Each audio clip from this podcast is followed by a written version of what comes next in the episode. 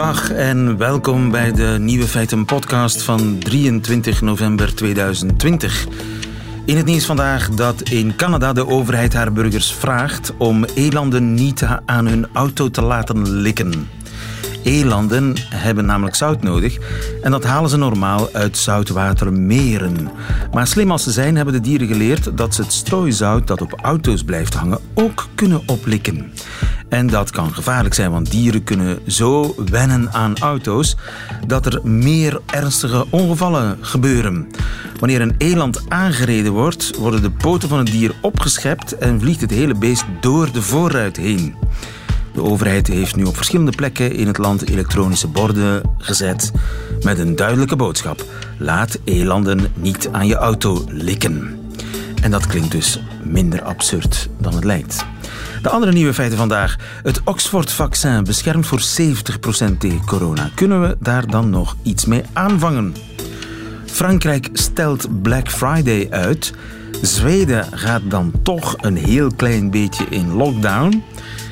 Overal in Nederland dalen de besmettingen, behalve op het voormalige eiland Urk. En de nieuwe feiten van Nico Dijkshoorn hoort u in zijn middagjournaal. Veel plezier. Nieuwe feiten. Radio 1. Het is een triomf en een ontgoocheling, zegt de BBC over het eh, nieuwe coronavaccin van de Universiteit van Oxford. Uit de grootschalige teststudie blijkt namelijk een effectiviteit van 70%. Goedemiddag, Johan Nijts. Goedemiddag. Je bent viroloog aan het Rega-instituut in eh, Leuven, aan de Universiteit van Leuven. Tja, 70 procent. Het klinkt een beetje mager naast de vaccins van Pfizer en Moderna, die eh, allebei 95 procent effectiviteit hebben aangetoond, of zij beweren toch tenminste, dat die vaccins voor 95 procent werken. Dan is 70 procent een beetje, ja, weinig. Ja, wel hadden we een maand geleden, dus voordat de resultaten er waren van Pfizer en Moderna, hadden we toen gehoord, 70% was dit uh, fantastisch nieuws geweest. Maar de lat is nu inderdaad gelegd op 90 of 95 uh, procent. Dan lijkt de 70% een beetje mager. Maar ik denk dat we daar een aantal kanttekeningen kunnen bij maken. Uh, om dat toch wat in perspectief te plaatsen. Hoezo? Um, het, is, wel, het is ook zo, men heeft dus die studie uitgevoerd en nog eens, dit is een nog niet gepubliceerde studie, dus we moeten ons verlaten op de persberichten. Maar ik, uh, ik durf hopen dat men daar correcte informatie in zet. Men heeft eigenlijk twee uh, vaccinatieschema's toegepast. Men heeft een, um, een, een groep van 20.000 mensen bestudeerd, dus de helft ongeveer krijgt placebo en een ander deel krijgt dan het vaccin toegediend.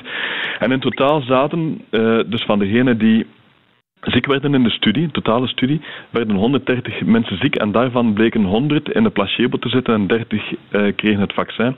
Dus dat betekent ongeveer 70 uh, procent uh, bescherming. Ook uh -huh. van belang op te merken is dat er van degenen die het vaccin kregen niemand in het ziekenhuis moest worden opgenomen. Dus niemand met ernstige infecties van degenen die het vaccin kregen. Maar dan, als je dan een, een subanalyse maakt, dan blijkt eigenlijk dat men, men heeft twee schema's toegepast in het eerste schema hebben 9000 mensen een vaccin gekregen. Um, de eerste dosis, een volle dosis, en een maand later nog eens een volle dosis. En dan komt men uit op 62% bescherming. Oh. Wat natuurlijk niet heel ja. veel is. Anderzijds heeft men 2700 mensen een ander schema gegeven waarbij ze eigenlijk de eerste, het eerste prikje is een halve dosis en dan een maand later krijgen ze pas een volle dosis. En dan blijkt bij de tweede groep, dus lage dosis, hoge dosis, dat, daar, dat ze daar aan 90% bescherming komen. Dat is bizar. Over, dat is, wel ja, ik denk dat ze hebben daar, minder wel vaccin gekregen en ze zijn beter beschermd. Ja, wat wij denken, maar eh, het is nog maar een, een, een, denkpiste, is omwille van het feit dat je dus bij het eerste prikje eh, veel van het vaccin geeft, dat er ook antistoffen ontstaan, niet alleen tegen het spike van corona, maar ook een anti-antistoffen tegen het, het vaccinvirus zelf. Hè. Dat is een soort uh, onschadelijk gemaakt verkoudheidsvirus. En natuurlijk, als er al door na het eerste prikje veel antistoffen zijn tegen die drager, eigenlijk, dat, dat onschadelijke verkoudheidsvirus, dan zou het wel eens kunnen zijn dat een maand later dat die antilichamen tegen dat onschadelijk verkoudheidsvirus, dat dat eigenlijk de tweede dosis minder werkzaam maakt. Juist, Het is een hypothese, het is een hypothese, ik zeg niet dat het zo is, maar eh, dat is eh, hoe we er vandaag over denken. Dus En die dus dan 70 zou- dat is eigenlijk een voorlopig resultaat. Uit die studie blijkt ook, weliswaar bij minder proefpersonen, geen 9000, maar 2000, dat als je de eerste prik halveert, dat dan het resultaat wel 90% is. Ja, nu nog eens, ik moet me baseren op een persbericht, dus niet op een wetenschappelijke studie. Dus nu is de vraag of dat die, eh, die aantallen eigenlijk van die mensen die dus die, die twee, dus eerst de lage dosis kregen, vervolgens de hoge dosis, of dat dat voldoende aantal mensen zijn om daar echt ehm, ja, conclusies uit te kunnen trekken. Dus misschien is dat zo. De wiskundigen zullen daar eh, met statistiek ehm, eh, kunnen over beslissen of dat dat voldoende is. Maar misschien moet men nog meer mensen insluiten in de studie die eerst een halve dosis krijgen en dan een, een, eh, een maand later een volledige dosis. Om dan te kunnen uitmaken of dat je daar inderdaad tot 90% bescherming komt. Ja. Dat dan hetzelfde zou zijn als bij Moderna en bij Pfizer. Ja, maar dat betekent toch dat de studiefase in ieder geval langer zal duren dan bij die beide andere eh, vaccins van Pfizer en Moderna. Wel, ook, ook daar kan ik niet met zekerheid op antwoorden. Dus die informatie hebben we niet. Dat hangt eigenlijk af van hoe men die wetenschappelijke, die wiskundige, statistische analyse maakt. En als dat voldoende zou blijken te zijn, dan denk ik zou het kunnen, mogelijk, nog eens, ik spreek met twee woorden, dat men eh, toch dan kiest voor die, eh, het schema met de eerste lage dosis, vervolgens een hoge dosis. Ja. Zijn, ik- eh, is een vaccin, stel nu dat het toch maar 70% is, kunnen we dan dat vaccin gewoon in de vuilbak kieperen en gaan voor die twee andere vaccins die dan effectiever zijn? Dat zou ik niet doen. Ik denk dat we, we hebben zoveel vaccins nodig eh, dat ook een vaccin dat 70% zou werken. Eh, laten we hopen dat ze toch nog kunnen opdrijven. Dat maar 70% werkt, dat dat ook nuttig is. Hè. Natuurlijk moet je dan nog veel meer mensen gaan vaccineren om tot een soort van kudde-immuniteit te komen. Maar eh, dit is zeker iets niet wat je dan in de vuilbak moet gaan gooien. Trouwens, en ik denk dat dat nu een, het grote verschil is, dit vaccin van AstraZeneca, dat kan je stockeren en transporteren bij 5 graden Celsius. En dat maakt natuurlijk, want we moeten niet altijd kijken met de bril hier van het Westen, hier in Vlaanderen, in België, in Europa, maar we moeten miljarden mensen ook vaccineren in lage en middelinkomenslanden. en eh, daar heb je natuurlijk niet die logistiek eh, met diepvriezers, zeker niet van min 70, min 80 graden Celsius. Dus het is absoluut van belang dat ook mensen in die regio's worden gevaccineerd. En daar zal natuurlijk dit vaccin eh, absoluut eh, nodig zijn. Ook al is het misschien geen eh 90%, laat het ons hopen eh, van wel. Het is ook een goedkoper vaccin, een stuk goedkoper dan het vaccin van Pfizer en Moderna, omdat de productie ook een stuk ja, minder duur is. Ja, het is goedkoper in fabrikage, het is goedkoper in transport en opslag. En het werkt misschien toch ook 90%. Die hoop laten we nog niet los. Inderdaad. Dankjewel in eh, Leuven voor ons, Johan Nijts. Goedemiddag. Dank u. Nieuwe feiten. Coucou de France. Met Alex Visorek. En het is weer maandag en dan zeg ik koekoe tegen eh, onze landgenoot en eh, mijn collega bij eh, Radio France, Alex Visorek. Goedemiddag, Alex. Goedemiddag, lieven. En even terug naar onze oude vriend, de coronacrisis. Inderdaad. Vorige week, ja, ja, het blijft steken. Vorige week sloot ik mijn stuk af met dit fragment van Ségolène Royal. Vous croyez que le général de Gaulle aurait fermé les commerces et les librairies Ja, dacht u dat generaal de Gaulle de bibliotheken en de winkels had gesloten? Een retorische vraag. Vraag, ja zeker. Die niet alleen de mythe van de Gaulle verstevigde, het was ook een bewijs van de spanning de laatste weken in Frankrijk. Grote spanning rond de sluiting van de kleine winkels, zogezegd, eh, die zich door de rege- rege- altijd Moeilijk, hè? regering in de steek gelaten voelen. En eh, deze spanning heeft vorige week een hoogtepunt bereikt met een heel symbolisch gevecht. La polémique enfle autour du Black Friday. Cet événement commercial toujours très lucratif doit débuter vendredi 27 novembre, alors que nous serons encore confinés. Ja, Black Friday, ook in Frankrijk. Ja, kan dat nog plaatsvinden, inderdaad, als alle winkels dicht zijn? Ja, een dag wanneer Franse winkeliers normaal gezien uitkijken, want zeven Fransen op tien genieten van de kortingen en cadeaus eh, te kopen voor de feesten. Maar de heropening van de winkels is pas rond 1 december gepland. Winkeliers hadden dus maar één vraag. Zouden we niet al op Black Friday vervroegd open kunnen gaan? Maar de regering reageerde zoals een jezuïet en antwoordde met een andere vraag. Est-ce que vraiment il faut faire une opération de promotion qui soit ne bénéficiera pas aux commerces physiques parce qu'ils seront fermés, soit induira une ruée dans les mêmes commerces physiques parce qu'on aura ouvert. C'est absurde. Ja, moeten we wel Black, Friday organiseren? Want als de winkels nog gesloten zijn, kunnen ze er niet van genieten. En als ze open zijn, komt er massaal veel volk naar de winkels. En dat is dus allebei absurd.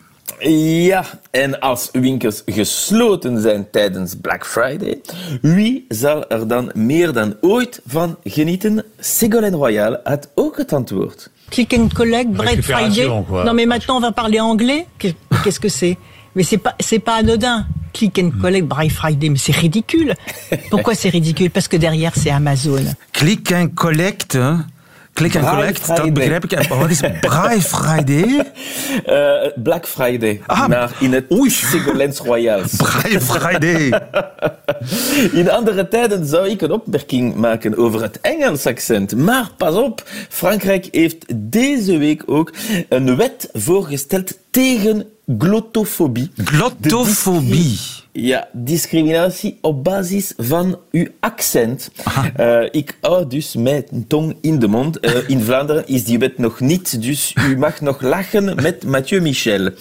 Maar ja, Amazon is dus eh, hoe je tegenwoordig duivel in het Frans vertaalt. Het grote bedrijf dat enorme winsten boekt en amper belastingen betaalt in Frankrijk. Het tegenstelde van de kleine winkels. Maar toch niet iedereen is zo boos. De acteur Gérard Jugnot twijfelde wel om Amazon te veroordelen. Le grand méchant, là, c'est Amazon, non, en ce moment? Oh, pardon. hein. Je dis pas de mal parce que je faire un truc pour eux. Donc. Il est en train de tourner pour. Oeh la la la la. Deze acteur eh, kon niet zoveel zeggen, want ja, hij acteert in een film geproduceerd door Ja. Amazon. Ja.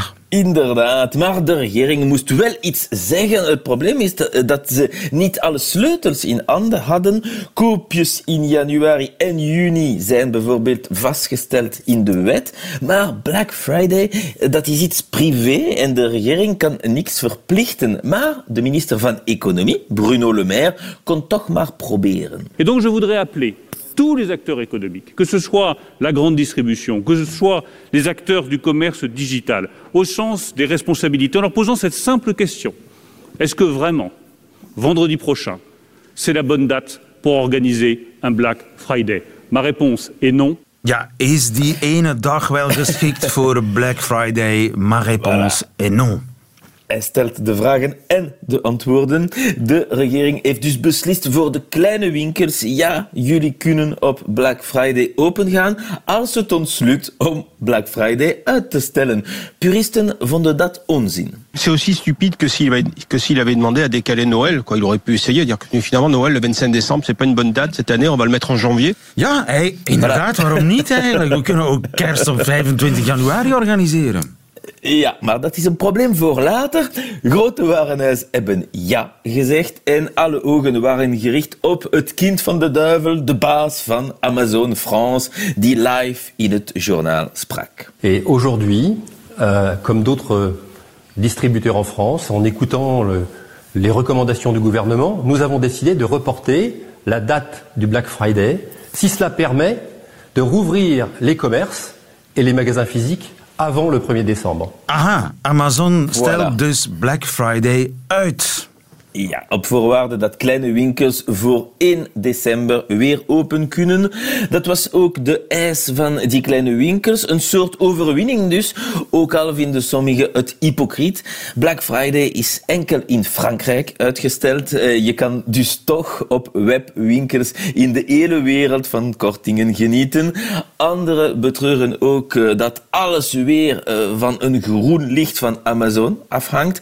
Maar de kleine winkels zien misschien misschien licht aan het einde van de tunnel als ze volgende week weer open kunnen en op 4 december koopjes kunnen organiseren met naleven van de maatregels. Dat zal Black Friday voor hen dit jaar wat minder zwart getijnd zijn. Ja, misschien wordt het een grijze Grey Friday. Grey Friday.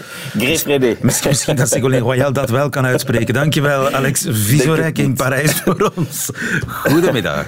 Tot volgende week. Nieuwe feiten. Zou Zweden dan toch de coronabocht maken? Het land ging eh, niet in lockdown, afstand houden en handen wassen moest genoeg zijn om de pandemie het hoofd te bieden. Strengere maatregelen kun je namelijk niet lang volhouden, was de theorie. Maar gisteren kwam premier Stefan Löfven op de televisie dit zeggen.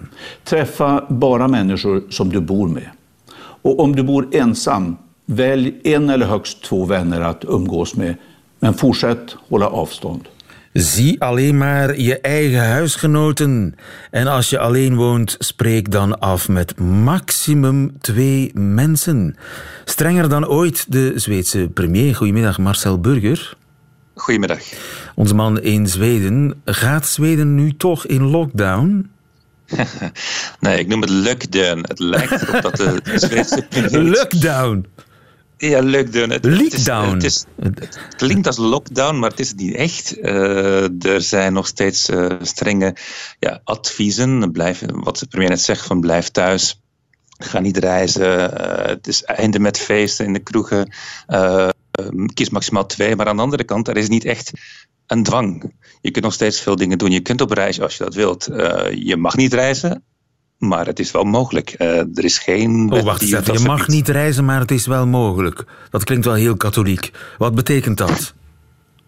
Het betekent dat je eigenlijk je moet gaan houden aan de regels, maar eh, als je dat niet wilt, er is geen manier voor de politie of de overheden om dat af te dwingen. Te Behalve dwingen. dan sinds, sinds vorige week. En gaat het dan om... Ja, zeg maar, maximum acht? Dat is dan echt een, een, een regel. Ja. Dan- Ja, dat is voor het eerst sinds eh, het begin van de coronacrisis dat er een soort wetje is wat bepaalt dat je niet met meer dan acht op een publieke plek mag zijn. Oké, dus wat is er dan veranderd in vergelijking met vroeger? Dus tot nu toe, tot voor die regel van acht, eh, kon je naar de kapper, naar de film. Hou me tegen als ik iets zeg dat niet waar is. Hè? Dus je kon Ja. naar de kapper, naar de film, naar het toneel, naar de fitness, op café, op restaurant, naar de winkel en naar school. Dat kon allemaal nog. En dat kan nog steeds. En dat kan allemaal nog steeds. Maar je, je Ja, mag niet met meer dan acht, maar je zit toch me- met meer dan acht in de fitness en in de toneelzaal en in de filmzaal? Ja, zolang u de, de, de anderhalve meter afstand kunt bewaren, eh, mag je daar nog steeds naartoe. Die blijven gewoon open. Eh, de premier zijn dat eh, maximaal acht. Daarna kwam de staatsepidemioloog Anders Teeknel, die inmiddels fel bekritiseerd is hier ook. Van ja, maar je kunt nog steeds naar de bioscoop toe. Het is wel zo, musea zijn gesloten, theaters zijn dicht, maar fitnesscentra, zwembaden, scholen, cafés zijn open. Er is wel een, een alcoholverbod na tien uur s avonds. Maar daar is ook een, een, een gat in de wet voor. Eh, de kroegen sluiten om tien uur. Daarna, of de kroegen gaan stoppen met alcohol om tien uur. Half elf moeten ze dicht s'avonds. Daarna hebben kroegen de mogelijkheid om heel snel eh, alle alcohol weg te halen. En dan kunnen ze om elf uur weer open met cola. Het is, eh, het is geweldig. Dit is de lockdown. En dat gebeurt ook. Dus cafés stoppen met alcohol verkopen om half elf en blijven toch open omdat ze dan geen alcohol verkopen en gaan daar mensen dan naartoe om frisdrank Ja. te drinken. Ja, dit, dat weekend, eh, gebeurt ook. dit weekend in Stockholm was dat inderdaad het geval. Eh, ze moeten een half uur dicht blijven om de werkzaamheden zeg maar, om, te, om te switchen naar alcoholvrij. En dan kunnen ze weer open. Het is, een, het is een gat in de wet die door sommigen gebruikt wordt. Het wordt afgekeurd door de premier. Ik moet wel zeggen, de premier was in zijn eh, toespraak gisteren heel sterk. Het is pas de vierde keer in de geschiedenis van Zweden na de Tweede Wereldoorlog dat er een toespraak is van een premier. De tweede van deze premier, de tweede over corona. En hij dreigde eh, toch wel met mensen. Hij zei van ja jongens, als jullie je niet aan de regels houden, eh, misschien ga jij niet dood. Maar misschien gaat uw opa, misschien gaat uw oma dood. En daarom moeten we offers brengen. En dat is wel een, een, een, ja, een bepaalde soort gesproken dwang die in Zweden eigenlijk al heel onzweeds is, maar een echte lockdown gaat er echt niet komen. Ja, ja dus, maar er is wel degelijk iets veranderd. Overigens over het reizen. We hadden het erover toen, ik je, toen je over die acht mensen begon. Dus dat reizen, bedoel je daarmee reizen naar het buitenland of reizen binnen uh, Zweden? Reizen binnen Zweden. Officieel geldt, heb je geen uh, noodzaak om te reizen, blijf thuis. Maar mensen gaan gewoon op wintersport uh, deze december. En, en is, is dat wat veranderd is? Dat in, de eerst, in een eerste fase de Zweden braaf de adviezen opvolgden en braaf thuis bleven maar dat nu het lang genoeg geduurd heeft, de Zweden dan toch ietsje minder ja, burgerzin vertonen en dan zeggen van eigenlijk een beetje Belgische stijl. Als er geen politieman staat, dan doe ik het toch. Ja, de Zweden die luisteren wel vooral, maar eh, het, probleem zit vooral bij de jongere generatie, de, de twintigers en de begin dertigers uh, en de tieners. Da, daar uh, wordt doorgefeest en dat is een probleem. Ook een ander probleem is de Zweedse gezondheidszorg kon dat in, in de lente eigenlijk maar net aan, of in sommige plekken juist niet. En ze zien nu dat die cijfers in de ziekenhuizen, aantal mensen dat is opgenomen en op de eh, intensieve zorg ligt, die stijgt. En vooral daar zit de vrees dat die gezondheidszorg het uiteindelijk niet aan kan. Uh, daar probeert de premier een stokje voor te steken dat die gezondheidszorg uh, op peil blijft. dat mensen nog steeds voor andere dingen ook naar het ziekenhuis te kunnen. En daar was een, een stevige praat voor nodig. Ja. En hadden ze eigenlijk niet stiekem, en dan zeker die Tegnell, die staatsviroloog, had die eigenlijk niet stiekem gehoopt dat er intussen genoeg groepsimmuniteit zou zijn opgebouwd in Zweden om die tweede golf wat kleiner te maken en het hoofd te kunnen bieden? Ja, eigenlijk wel. Er was ook vandaag het nieuws dat in Stockholm is nu 30% van de bevolking die schijnt inderdaad uh, antilichamen te hebben tegen corona. Dus er zit een wat groei in. Uh, maar ja, hadden gehoopt dat het niet genoeg, nee. En ze wachten eigenlijk net als hier, uh, net als andere, andere landen, op het, op het vaccin wat moet gaan komen om, om uh, soelaas te bieden eigenlijk hier. Um, en echt strenge regels zijn niet mogelijk. De, de grondwet in Zweden die bepaalt dat je uh, ook in crisistijd, ook in oorlog, de maatschappij moet blijven draaien. En uh, strenger dan dit kan eigenlijk niet. Ja. Tenzij er een grondwetswijziging komt, maar daarvoor is geen meerderheid. Ja. Zou je kunnen zeggen dat het vertrouwen in die tegenel een beetje gesloten... Vertrouwen was heel groot typisch Zweeds. De, de wetenschap, daar moeten we op bouwen in, in tijden van gezondheidscrisissen.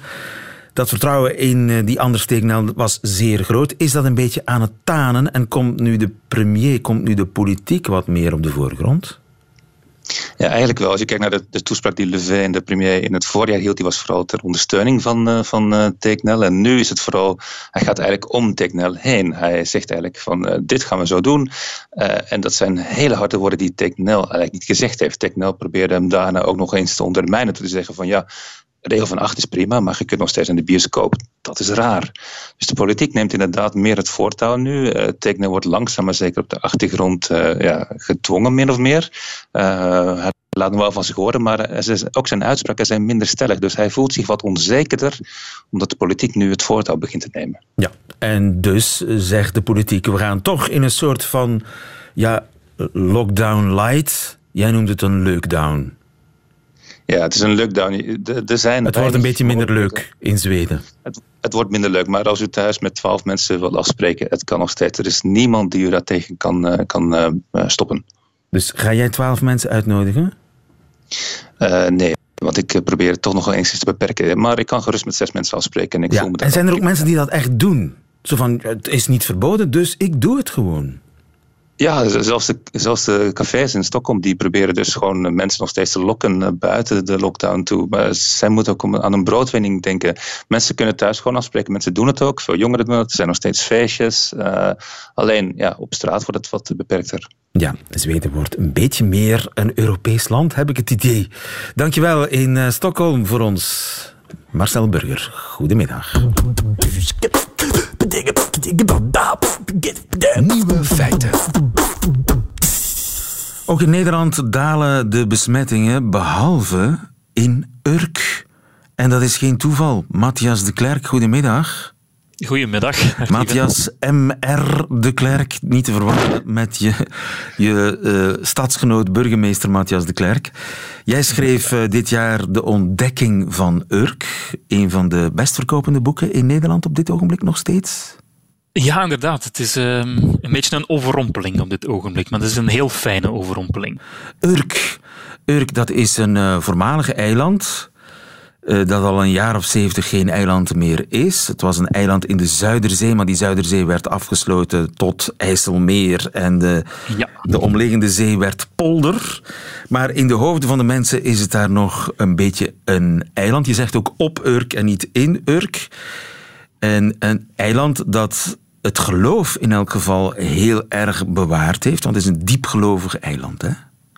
Ja, dat klopt. Het is een van de ja, meest gelovige dorpen van heel Nederland. Eigenlijk, als je alle religie religieuze lijstjes er zou bijnemen, dan gaat Urk heel vaak bovenaan staan. Dat klopt.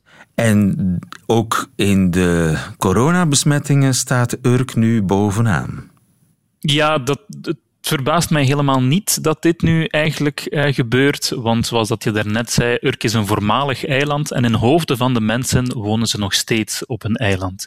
Dus je hebt een enorme sterke sociale cohesie daar, de familiebanden zijn daar ontzettend hecht. Um, we hebben ook de kerk net vermeld, dus uh, mensen gaan nog steeds naar de dienst, weliswaar een afgeslankte vorm. En dat zorgt er eigenlijk voor dat de mensen elkaar nog heel veel zien, heel veel bij elkaar op de koffie komen. En dan moet je inderdaad niet verbaasd zijn als je plots een corona-brandhaard uh, bent. Dus ik vind persoonlijk dat dit een beetje een chroniek is. Um, dit is bijna aangekondigd, kun je zeggen. Chroniek van een aangekondigde besmettingshaard. Zijn ze van niet een haard, in, ja, zijn ze, Chroniek van een aangekondigde haard. Zijn ze daar in uh, Urk niet bang voor? Wel zijn ze er bang voor. Ik denk dat mensen die al iemand verloren zijn, daar vanzelfsprekend wel bang voor zijn. Maar um, voor een bepaald, of toch een significant deel van de bevolking is het nog steeds een griepje, zeg maar, en zal het allemaal wel overwaaien. Dus ik heb niet het gevoel dat daar uh, veel angst of paniek is op dit ogenblik. Um, het zal wel passeren. Maar goed, um, als de cijfers stijgen, dan um, zou er... Ik kan niet zeggen dat er nu paniek zou moeten zijn, maar er zou toch meer alertheid en waakzaamheid ja. moeten zijn voor wat er nu aan het gebeuren Maar misschien heeft het ook te maken met de bevolkingscurve op Urk, want die is ook helemaal verschillend van die van uh, de rest van Nederland en die van België. Daar zijn heel veel jonge mensen, hè? Het is een ontzettend uh, jonge bevolking, dat klopt. En die jongeren zien elkaar ook nog. Um, dus de, de zogenoemde lockdown-feestjes of zo, die we wel op veel meer plekken zien, ja, die heb je op Urk ook. En er zijn heel veel um, jeugdhonken, heet de gemeente dat dan. Dat zijn eigenlijk plekken op het industrieterrein waar heel veel jongeren kunnen samenkomen. En dat gebeurt eigenlijk uh, ja. nog wel. En als de gemeente daar dan paal aan perk zou aanstellen, of proberen te stellen, dan komen de jongeren, um, ja, zijn die kwaad, dan komen die op straat. En dat hebben we dit weekend ook gezien. Er waren vrij stevige rellen op Urk en dan zag je plots ja, een aantal honderden jongeren samen op straat. Maar die stonden daar dus ook samen en niet op afstand van ja, elkaar. en er is naar verluid niemand opgepakt. Grijpt de politie dan niet in op Urk? Wel, Kijk, het is zo dat als je um, zowel een burgemeester, een uh, politieagent of zelfs een huisarts, dat zijn heel vaak mensen um, van buitenaf. Die worden niet echt erkend als echte Urkers. Dat heeft eigenlijk ook allemaal te maken met die, uh, met die cultuur uh, daar. Dus als de, de politie die probeert wel in te grijpen, maar ik heb niet het gevoel dat ze echt grip hebben op de gemeenschap of op de jongeren. Net omdat die zo hecht aan elkaar hangt en zich een beetje keert tegen al wie niet van het dorp is. Dus een Urker wordt nooit politieagent? Wel, er zijn er toch zeer weinig. Het zijn meestal mensen uit, uh, uit de polder of uit uh, Flevoland als provincie die dan uh, op Urk aan het werk gaan. En die botsen daar vaak op die sociale cohesie. De agenten um, die staan vaak een beetje voor voldongen feiten. Als er ergens een vechtpartij is of zo, dan horen ze dat maar een tijdje later en blijkt dat de twee jongens die zouden gevochten hebben, dat al lang in der minne hebben geregeld zonder aangifte te doen. Ja. Dus dat is eigenlijk ook exemplarisch voor ho hoe die gemeenschap in elkaar zit. Als je van buitenaf zou proberen iets op te leggen, dan gaat de Urker daar wel vaak op zijn eigen manier mee om. Ja. En als dat iets onschuldig is, is dat niet erg. Maar als dat gaat over maatregelen tegen een pandemie, ja, dan kan dat wel veel verstrekkende gevolgen hebben. Natuurlijk. Ja. Wetenschap heeft niet echt een goede naam hè, op Urk. Dat is ook iets van buitenaf. Wetenschap, het, is vooral geloof die daar sterk staat. Uh, het is niet zo dat, dat, dat wetenschap wordt onderkend, maar um, bij een bepaald deel van de bevolking die, die een, zwaar geloof aanhangen, um, is het niet de wetenschap die dit zal oplossen, maar zal de heren er wel voor zorgen dat het, uh, dat het goed komt. Dat geldt niet voor iedereen op Urk, toch wel voor een, een bepaald belangrijk gedeelte wel. Dus um, ook het geloof zorgt er in deze voor. denk ik dat de pandemie daar toch ook zijn schade aanricht. En dat zag je zeker ook in het begin, toen er nog grote kerkdiensten konden plaatsvinden. Ja, zo'n dorp waar de kerk zo belangrijk is, dan gaan de mensen um, zich niet zomaar laten zeggen dat de dienst niet meer mag doorgaan. En als je daar dan nog eens heel luid zit te zingen naast elkaar in de kerk, moet je ook niet verwonderd zijn dat je elkaar besmet. Ja, maar ze zitten toch al met minder mensen in de kerk, dus ze houden er ja, toch wel enigszins ja. rekening mee, maar niet in, in de dezelfde in de mate van, niet in dezelfde mate als in de rest van Nederland. Zal het ook zo zijn bij het vaccin eenmaal het er is?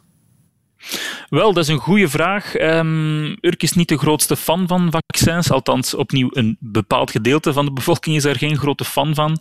Uh, omdat een vaccin natuurlijk ingrijpen is in de menselijke aard, uh, zeg maar. Dus ik denk wel dat eens het vaccin er zou zijn, dat dat niet per se op uh, hoera-stemming zal onthaald worden op Urk. Je zag er zelfs vorig jaar nog een kleine lokale mazelenuitbraak. Dus um, terwijl ja, het hele Westen blij is met de, de, de berichten die ons uh, toekomen over vaccins, is dat op Urk toch een stuk genuanceerder. En zal het veel moeilijker zijn om de mensen daar zomaar uh, te vaccineren. Ja, want het is allemaal in de handen van de Heer. Hij heeft al lang beslist wat er met mij zal gebeuren en hoe ik aan mijn einde kom. Ja, dat geldt daar voor veel mensen. Dat klopt. Niet voor iedereen, maar toch voor velen. Op Urk is het uh, bang afwachten wat er zal gebeuren nu daar uh, de coronacijfers blijven stijgen en de vaccinatiebereidheid redelijk klein is. We wachten in spanning af. Dankjewel, Matthias de Klerk. Goedemiddag. Graag gedaan. Dat waren ze, de nieuwe feiten van 23 november 2020. Alleen nog die van Nico Dijkshoorn krijgt u in zijn middagjournaal. Nieuwe feiten. Middagjournaal. Beste luisteraars, ik maak mij zorgen. Schrik niet, nu is een keer niet mijn gebruikelijke geklaag dat alles verandert en dat ik het niet meer bij kan benen. Ik zal het hier vandaag niet hebben over mijn lievelings kant-en-klaar eten uit een doosje. Nou ja, heel even dan. Ik eet al een jaar of twintig, wanneer Tanja niet thuis is en ik zelf iets kook, paella uit een doosje. Het is heel eenvoudig. Je bakt vlees, je flikkert zes zakjes op het vlees, daarna giet je er water op, je kijkt een kwartier televisie en daarna heb je iets waar een Spanjaardje woedend je strot voor af zou snijden. Met paella heeft het helemaal niets te maken, maar op zijn eigen unieke manier vind ik het een heerlijk gerecht. Nu was ik een week geleden in de supermarkt en stond er opeens heel groot op de doos nu met vernieuwde receptuur. Luisteraars, de bodem viel uit mijn bestaan. Ik geloof dat ik heel hard nee schreeuwde. Ik heb de bedrijfsleider van de supermarkt aangeklampt. Kunt u niet vragen, meneer, of dit kan worden teruggedraaid? Ik wil helemaal geen nieuw recept, ik wil het oude recept. Thuis heb ik het vernieuwde recept gekookt. En daarna ben ik doodstil een halve dag op mijn bed gaan liggen. Dit was zo verkeerd. In wat voor wereld leefde me? Corona, Trump, opkomend nieuw fascisme en dan nu dus ook vernieuwde recepten van mijn lievelingsgerechten.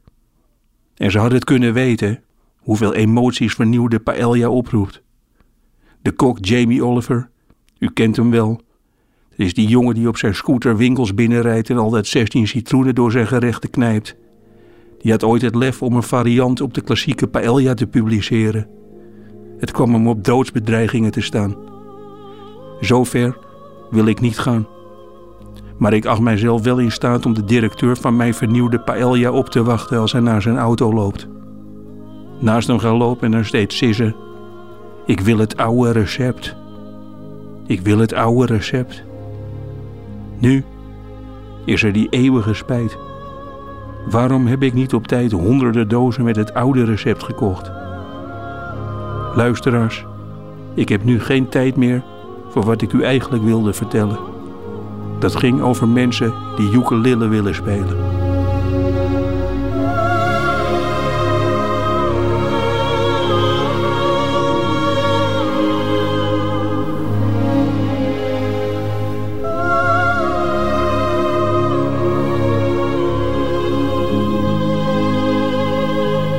Zit dat. Nico Dijkshoorn in het Middagjournaal. Einde van deze podcast. Hoort u liever de volledige uitzending van Nieuwe Feiten? Dat kan natuurlijk ook via onze website radio1.be of via de Radio 1-app.